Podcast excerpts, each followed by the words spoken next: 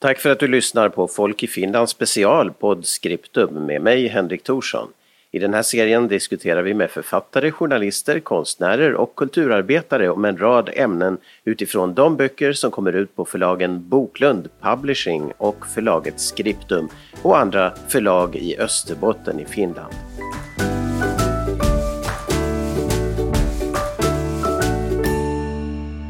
Välkommen till den här podcasten Podscriptum där vi pratar med författare om deras böcker och om ämnen som förekommer i böcker. I dagens avsnitt så ska vi prata om ett ämne som vi gärna pratar om. Det är ju historia, det är lokalhistoria och det är dramatik eh, i förr i tiden. Och det är ju så att släkten, eh, minnen kanske, det finns gamla brev, sånt kan väcka mycket fantasi och intresse. Och eh, det har också den här boken gjort. Och vi ska nu få prata med författaren. Eh, Ola Österbacka, välkommen med. Tack. Och du finns var någonstans? I Vasa finns jag. Just det. Och din bok då, vad är det för någonting? Den heter Majas dotter och det är en bok om min farmor. Min farmor hette Alina, född Katajamäki. Hon var född i Soini eh, i något land. Egentligen är det det gamla Vasaläns eh, innersta hörn längst inåt landet. Mm. Och hon eh, kom vandrande eh, en lång väg för hon levde i mycket dåliga, mycket svåra förhållanden och kom vandrande med sin lilla syster till, till Kaustby och därifrån några kilometer över språkgränsen till min hemby Kortjärvi i Tärjers socken som det var på den tiden. Och mm. där etablerade hon sig först som piga och sen så skaffade hon medel för att, eller för, la ihop sina förtjänster och så åkte hon till Amerika för fyra och ett halvt år och sen när hon kom tillbaka så fortsatte hon som piga men, men gifte sig sen med min farfar. Och som du sa då, så hon kom ju från den finskspråkiga delen av, av Österbotten då och in i den här gränstrakten där det är väldigt skarp gräns mellan svenskt och finskt. Men hon bodde då på den svenskspråkiga delen, eh, sidan då kan man säga, när hon sen jobbade och kom tillbaks dit. Ja, det var en, som du sa, en knivskarp gräns eh, mellan språken. Fast förr i tiden så var det inte lika för att det fanns en hel del svensktalande också i de här kringliggande kommunerna som nu är finska. Mm. Däremot så var det inte egentligen finsk bosättning i min, i, på min hemort utan det var, där var det nog klart och tydligt svensk, svensk befolkning. Just det, så den här boken Majas dotter då, den, den eh, utspelar sig eh, då i de här trakterna men vi får också följa med till USA, är det så? Det är sant fyra och ett halvt år och det, en hel del av boken beskriver också resan och förberedelserna och strapatserna under den här resan till New York. Och när, när kom du liksom på det här att du skulle skriva en eh, bok om detta? Det har liksom legat i, i, i min intressesfär i cirka 20 år. För att min eh, äldre bror som tyvärr gick bort 1999 så han hade börjat med en forskning om, om vår farmors eh, härkomst. Hon var född utom äktenskapet, det visste vi. Mm. Vi kände till hennes mor och hennes släktingar via det, men inte hennes far. Mm. Och så började han forska i det här och så dog han och så gick det några år och så började jag genom diverse kontakter då så började jag intressera mig för det och jag fick med mina kusiner, vi är ganska många kusiner, alltså ättlingar då till Alina. Och, och vi gjorde resor till Soini och fick mycket hjälp också lokalt därifrån med att försöka spåra. Vi har inte lyckats hitta fadern ännu men vi håller på via DNA-tester.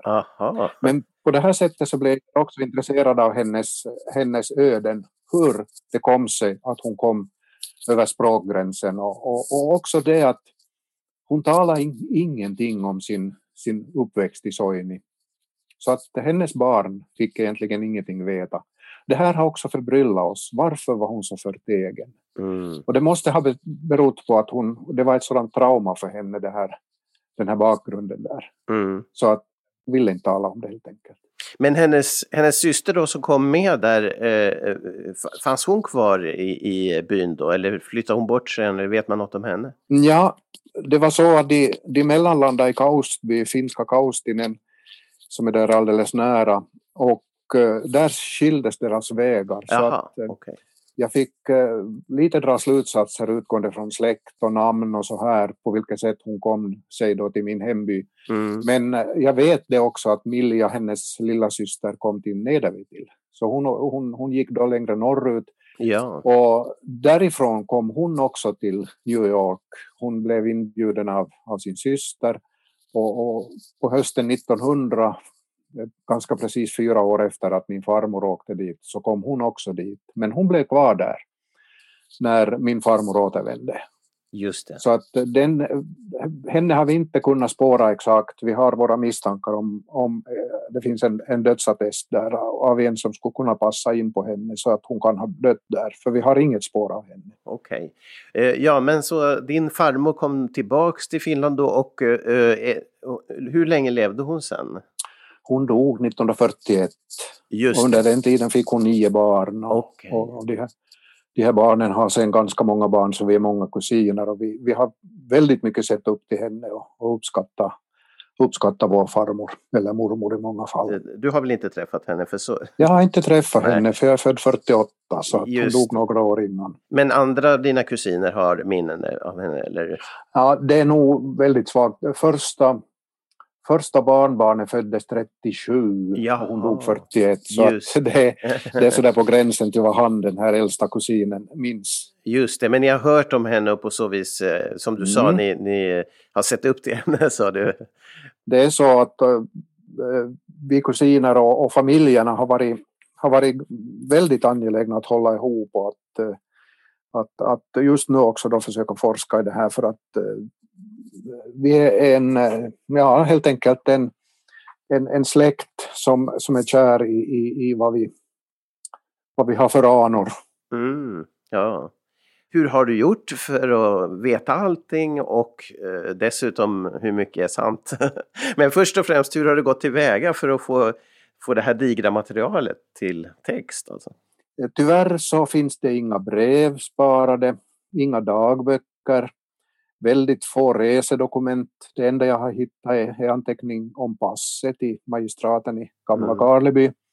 Och sen eh, då dokument från passagerarlistor som några har hjälpt mig med, med, mm. med ett fantastiskt detektivarbete att få fram var, när hon åkte, med vem hon åkte och var hon jobbade. Så det finns, men sen är det då egentligen kyrkböcker om antalslängder.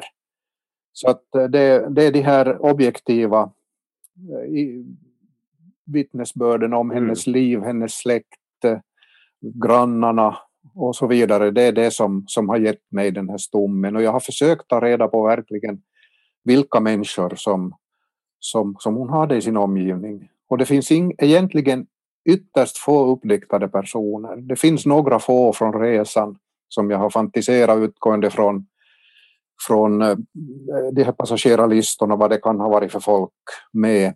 Mm. Men eh, sen är det ju naturligtvis så att vad de har sagt sinsemellan, vad de har gjort, det har jag ju ingen aning om. Så det har jag ju fantiserat. Mm. Men vad, vad har, hur har dina eh, släktingar då reagerat på att du har tagit vissa friheter där och så vidare? Hur har det mötts, bemötts av dem? Det tycker jag inte har varit något problem. Det, det finns sådana som kanske tror att så här är det verkligen ägt rum fast jag försökt säga att jag, har ju, jag har ju nog fantiserat de här detaljerna.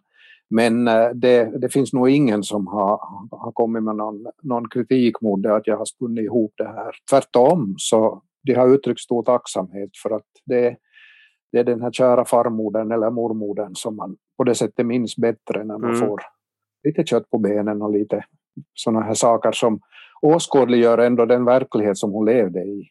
Ja, och, även om det inte var i hennes liv så pekar du på eh, kulturella företeelser eller mänskliga eh, företeelser i hennes tid som verkar helt övertygande och, och viktiga också att spara på. Ja, det är ju så att eh, den här tiden var ju kulturellt, kulturellt och religiöst sett helt annorlunda än det idag. Mm. Så att det var ju till exempel den väckelse som jag beskriver från, från min hemby, så den var oerhört stark.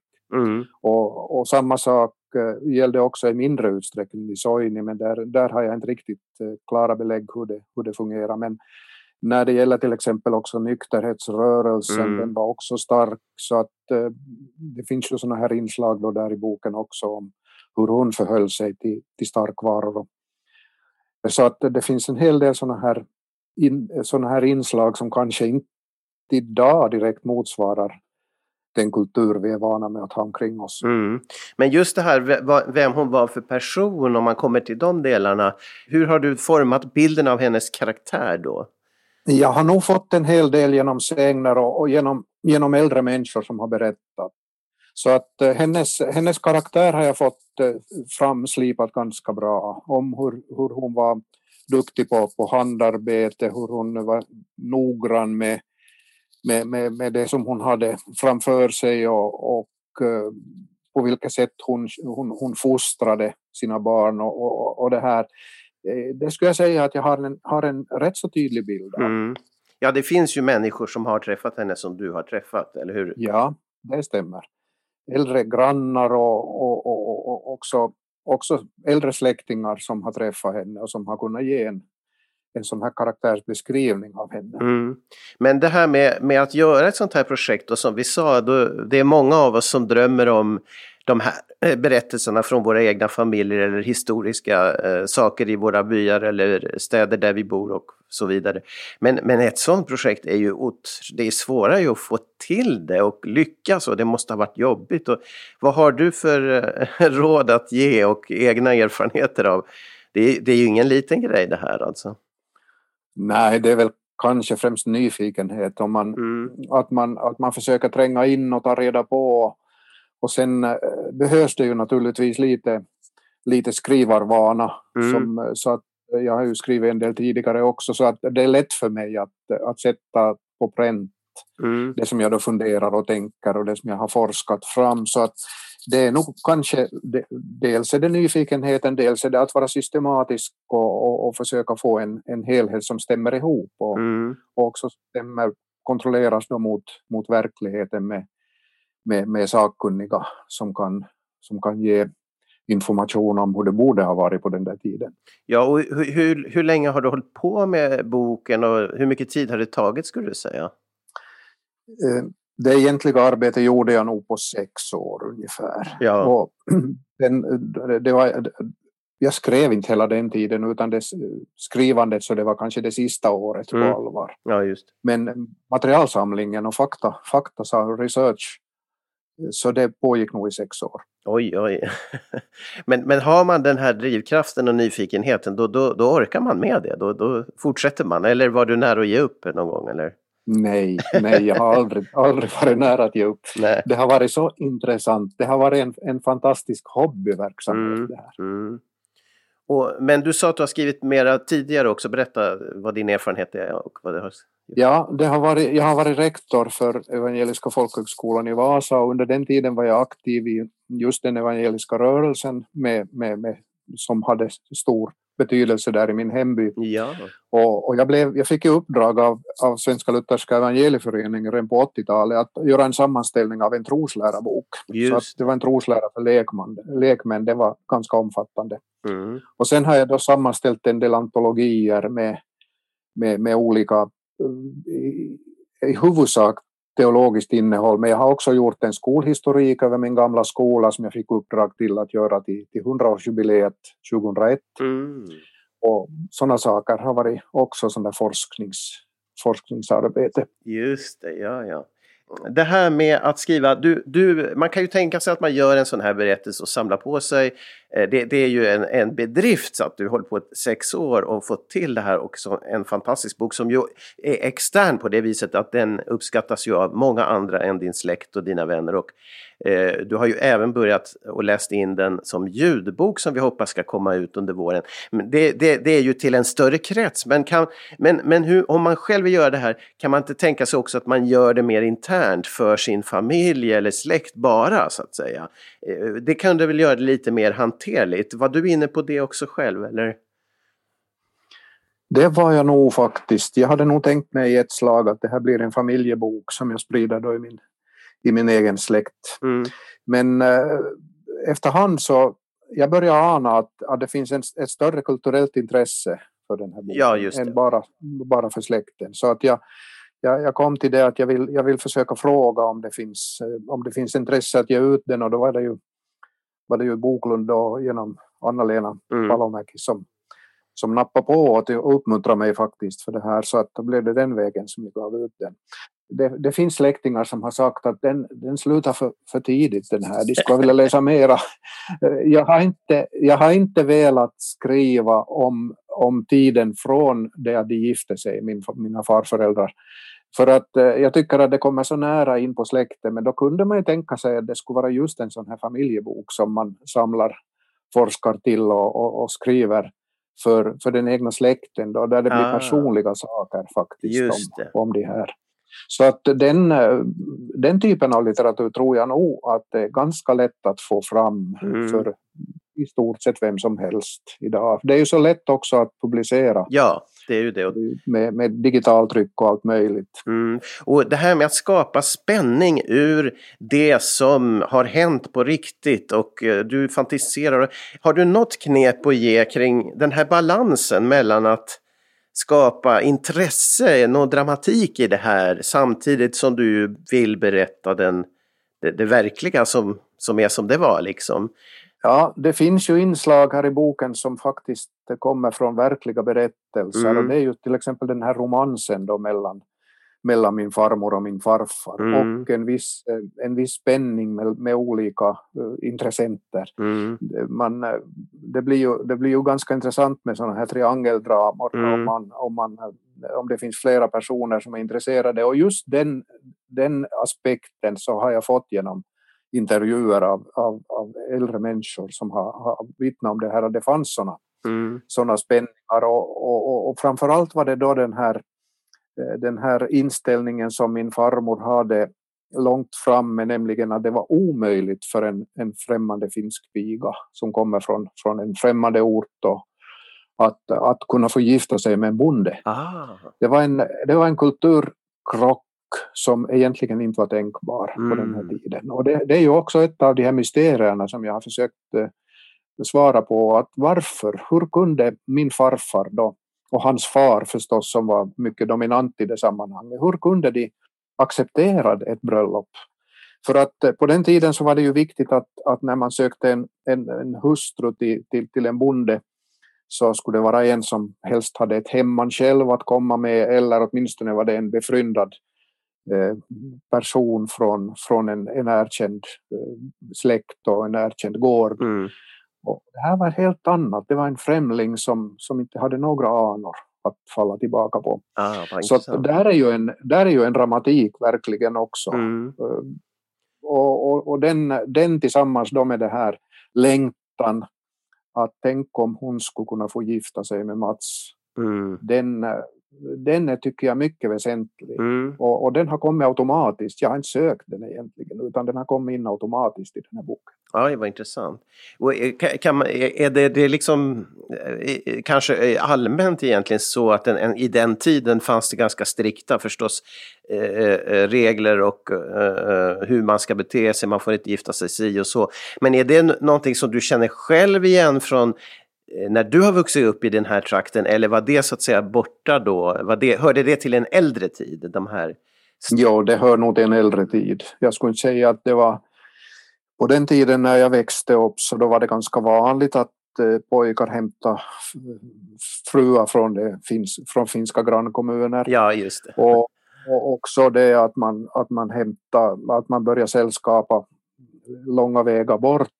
Och det här hör ju naturligtvis också ihop med kommunikationerna för att den tiden när, när min farmor kom till, till, till min hemby Kortjärvi, Mm. på den tiden så fanns ju inte cykeln ännu ens utan det var ju häst, häst och kärra och en, en, en ensam person så gick ju till fots. Och, och först efter att hon återvände från Amerika så började cykeln komma in. Den kom ungefär vid sekelskiftet. Mm. Och det märks genast på giftermålen att det börjar bli mera vidsträckta de här friarfärderna. Ja, just. Tack, vare, tack vare cykeln kom in i bilden. Man cyklar tiotals kilometer för att, eh, för att, hämta en, för att besöka en flicka. Oj, intressant. Ja. Så det märks, det märks just den här förändringen av, av, av det här eh, sällskapande. då dröjde det ju något tiotal år innan bilarna kom. Så att eh, mm. då blev det ju förstås helt annat, men det var nog cykeln som var det första. Ja, spännande att höra. Majas dotter finns alltså på eh, boklund.fi, hittar du den boken, eh, där, du, där man lär sig mycket om den tiden i Österbotten och eh, dessutom spännande eh, berättelse. Eh, Ola Österbacka, tusen tack för att du var med i det här samtalet och lycka till med en fortsättning och din ljudbok som vi hoppas kommer. Tack ska du ha.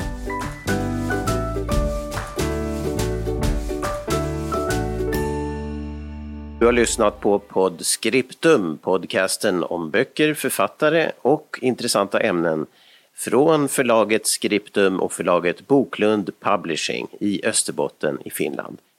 Du hittar fler program och andra podcastserier som du kan ladda ner på hemsidan totalmedia.com, total med th, totalmedia.com. Och du kan läsa om nya böcker på sidan skriptum.fi.